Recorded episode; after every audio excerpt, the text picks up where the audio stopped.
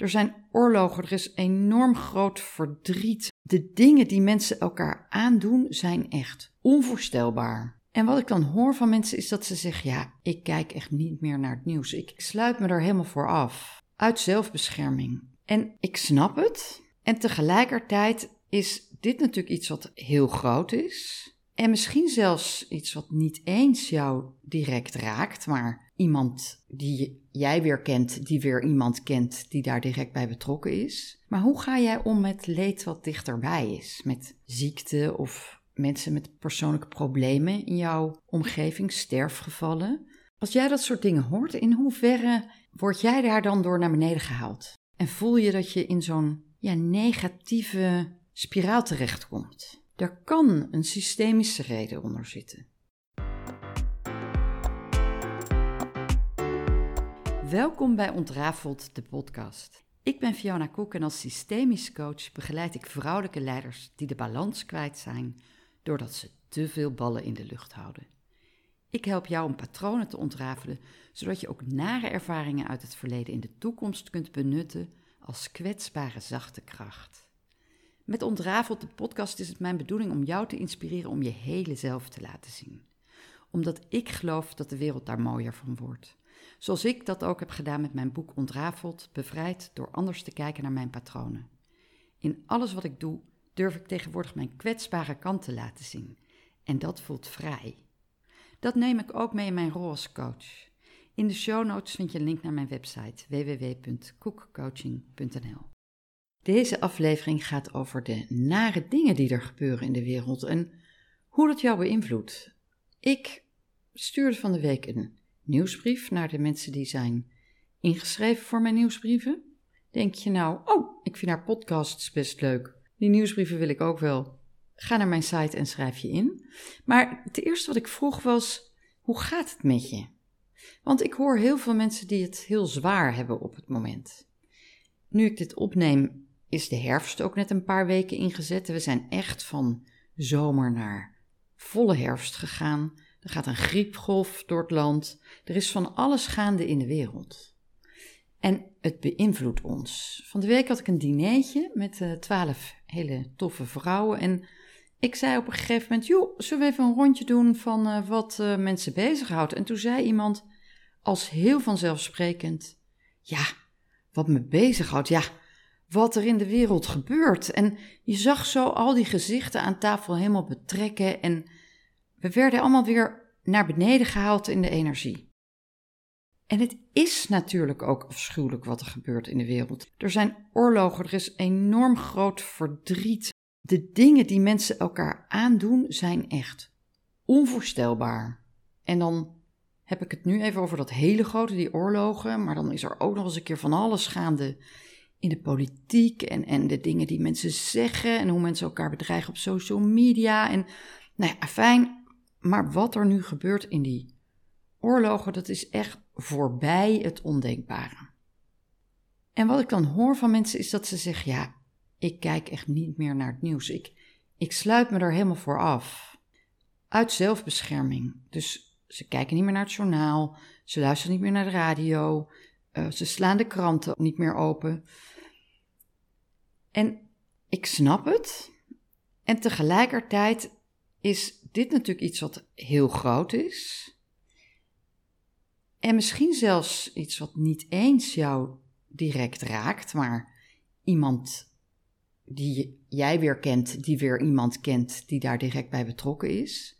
Maar hoe ga jij om met leed wat dichterbij is? Met ziekte of mensen met persoonlijke problemen in jouw omgeving, sterfgevallen, zowel in de werk als in de privésfeer.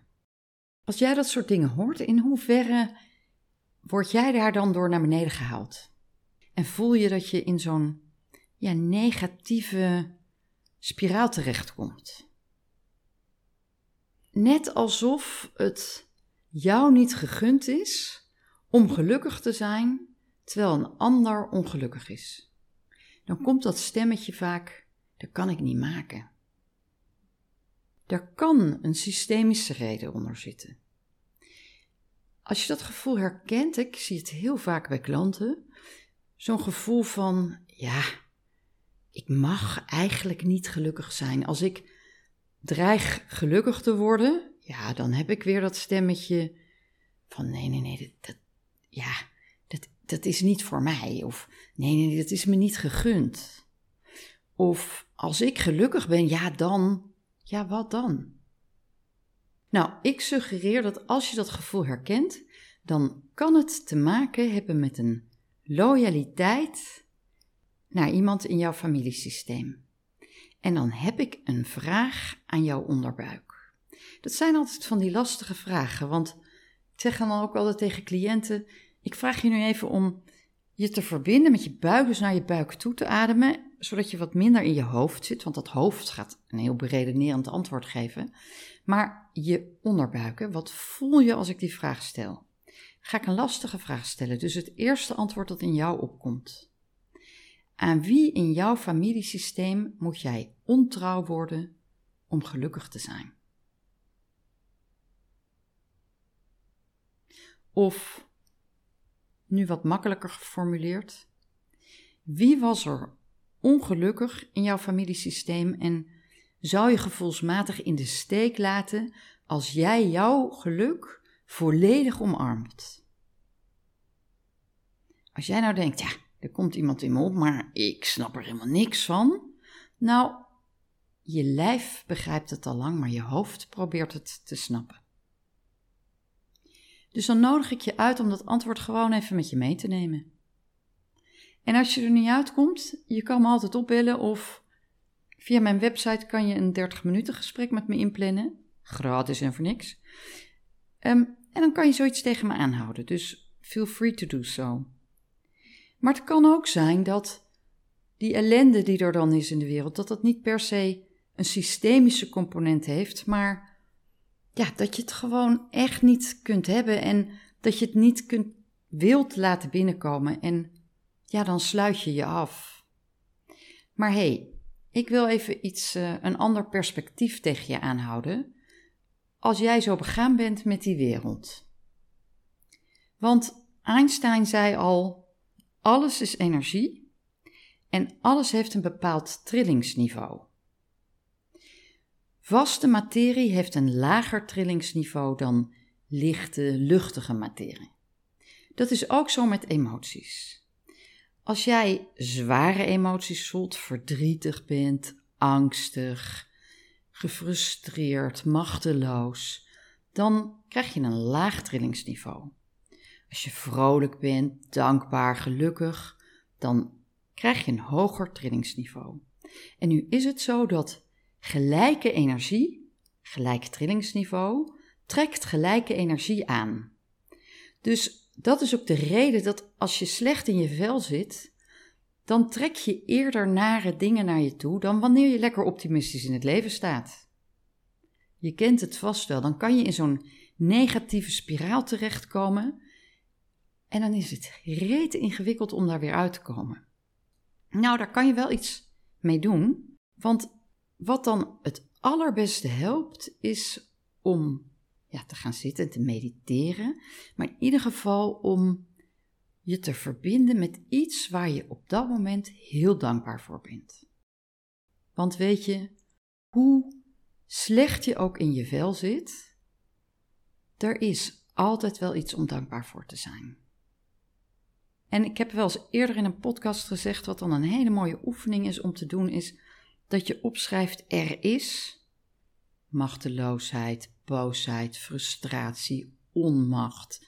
Nou, ga zo maar door, maar ook dankbaarheid voor dat ik hier met kaarslichtjes aan in een mooie omgeving, met mezelf rustig, veilig in mijn huis ben dat mijn vriendin vandaag opbelde met een heel leuk bericht. Dat ik een compliment kreeg van een collega of dat ik om hulp vroeg en mensen stonden meteen voor me klaar. Op het moment dat je dat doet en je verbindt je daarmee, dan verhoog je meteen je trillingsniveau. En ja, als jij in zo'n negatieve spiraal zit en je trekt het leed van anderen aan, of er gebeurt bij jou gewoon van alles wat heel naar en verdrietig is, dan is het niet makkelijk om je trillingsniveau te verhogen. Dat is niet even dankbaar zijn en uh, hoppa, dan uh, verhoog je je trillingsniveau en gaat het opeens veel beter. Maar juist dan, zoals iemand al zei, als je geen tijd hebt om te mediteren, mediteer dan twee keer zo lang. Nou, als je in die negatieve spiraal zit, ga dan twee keer zo lang je dankbaar voelen. Want als jij zo'n liefdevol begaan bent met die oorlog en je laat je daardoor naar beneden halen, dan houd je het negatieve ook in stand. En daarom worden er wereldwijd allerlei meditatiemomenten georganiseerd. Misschien heb je dat wel eens voorbij zien komen, want het is bewezen dat als mensen gaan mediteren, dan wordt het trillingsniveau op aarde, dat is echt gemeten, dat wordt verhoogd. En als je hier meer over wilt weten, dan is het heel leuk om eens te kijken naar de website van de HeartMath Institute in Amerika. Die doen al sinds 1991 onderzoek naar het effect van het verlagen van je hartslag en stress op jouw gevoel van welzijn en geluk, maar op jou als individu en op mensen in jouw omgeving. Dus als je dat doet met een heleboel mensen, dan verhoog je dus dat gevoel van welzijn en geluk, dat, dat trillingsniveau. Dus ja, lang verhaal kort, als jij je laat meeslepen door angst, pijn, verdriet, omdat je zo begaan bent met mensen die lijden, ja, dan voed je dus die bestaande negatieve brandhaard. Dat je het even weet. Als je nou echt een positieve bijdrage wilt leveren, open dan je hart voor wat er gebeurt. Sluit je niet af. Maar met dat open hart in liefde kun je je ook verbinden, kun je ook kijken naar wat er gebeurt. Je kunt betrokken zijn en begaan en compassie tonen, maar je maakt een onderscheid tussen wat bij jou hoort en wat bij een ander. En ja, ik heb het al vaker gezegd, hoe meer je jezelf hebt opgeruimd, hoe meer je oud zeer in jou hebt durven aankijken, erin hebt durven duiken, hoe beter je ja, jezelf leert kennen, omdat je die oude patronen gaat ontrafelen en onderscheid gaat maken tussen wat is van mij en wat hoort niet bij mij. Hè? Hoe beter je dat kunt, hoe gemakkelijker het is om compassie te voelen zonder dat je je hart hoeft te sluiten uit zelfbescherming. Ik zag onlangs een prachtige aflevering van De Verwondering, een uh, televisieprogramma van NPO. Aanrader als je het nog niet kent. En daarin ging Annemiek Schrijver, die presenteert dat. Die stelt echt hele mooie vragen. En ze ging in gesprek met theatermaker Alexandra Broeder. En Alexandra die vertelde dat zij een spirituele wandeling had georganiseerd voor jongeren. En ze liet hen een wandeling maken in Amsterdam van theater naar de kerk. En ze had hen meegegeven als thema: Is het leven van jou of ben jij van het leven? Dat is toch een prachtige vraag. Is het leven van jou of ben jij van het leven? Die geef ik aan jou door om op te broeden, om mee te zijn. Die filosofische vraag die ook zo leuk is om met derden over in gesprek te gaan. Is het leven van jou of ben jij van het leven? En als je bent uitgebroed, dan hoor ik graag wat jouw take-out is van deze aflevering. Wat neem jij mee? En uh, ik verstuur dus nieuwsbrieven, eens in de zoveel tijd. Ik doe dat niet zoals mijn podcast volgens een vast schema. Om de week, iedere maandagochtend, komt een nieuwe aflevering online. Maar ik schrijf wanneer ik zin heb, wanneer ik inspiratie voel. En ja, daar kondig ik ook mijn podcasts in aan, maar ik vertel ook uh, ja, iets wat mij bezighoudt, iets waarvan ik denk, goh, daar heb je wat aan. Dus als je het leuk vindt om die te lezen, ik zet de link naar mijn website www.cookcoaching in de show notes. En dan kan je je aanmelden. Dat ik leuk vinden. Als je ideeën hebt voor deze podcast, altijd welkom en ook je reacties. Superleuk dat je er weer bij was. Tot de volgende!